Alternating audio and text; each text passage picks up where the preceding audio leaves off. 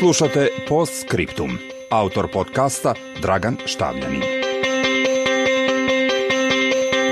Čovečanstvo mora da stavi tačku na rat, pre nego što rat stavi tačku na čovečanstvo, upozoravao je John Kennedy. Ugovor između SAD-a i Sovjetskog saveza iz 1987. godine o raketama srednjeg dometa simbolički je nagoveštavao kraj hladnog rata – Sada, tri decenije kasnije, krah ovog sporazuma bi vodio novom hladnom ratu.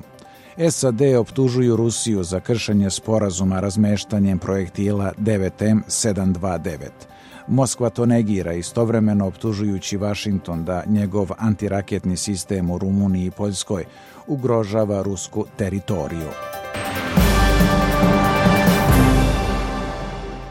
Povlačenje SAD-a iz sporazuma može prilično naštetiti njima samima, jer će omogućiti Moskvi da nesmetano razmesti konvencionalne rakete. Ovaj tip oružja je pokazao efikasnost tokom intervencije Zapadne alijanse u Afganistanu, Iraku, bivšoj Jugoslaviji, te ruskih udara u Siriji. Naime, kopneni projektili su mnogo jeftiniji nego lansirani sa mora i iz vazduha, u čemu SAD imaju veliku prednost. Time bi se Evropa ponovo našla na meti ruskih raketa, dok će SAD-u biti potrebno nekoliko godina da rasporedi adekvatnu odbranu na starom kontinentu. Iako Rusija posjeduje veći nuklearni arsenal nego Kina, Washington dugoročno mnogo više brine vojno jačanje najmnogoljudnije zemlje na svetu, pa je to jedan od razloga za njegovo povlačenje iz sporazuma – ali Peking ne želi da mu pristupi.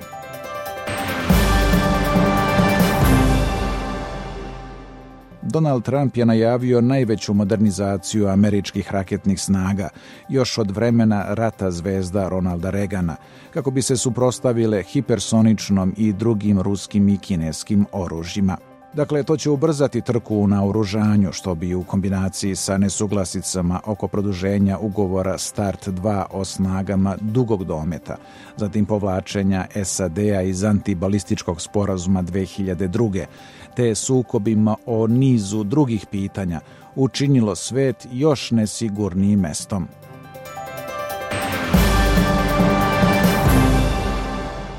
To je simbolično prikazano pomeranjem kazaljki na časovniku sudnjeg dana na samo dva minuta do ponoći.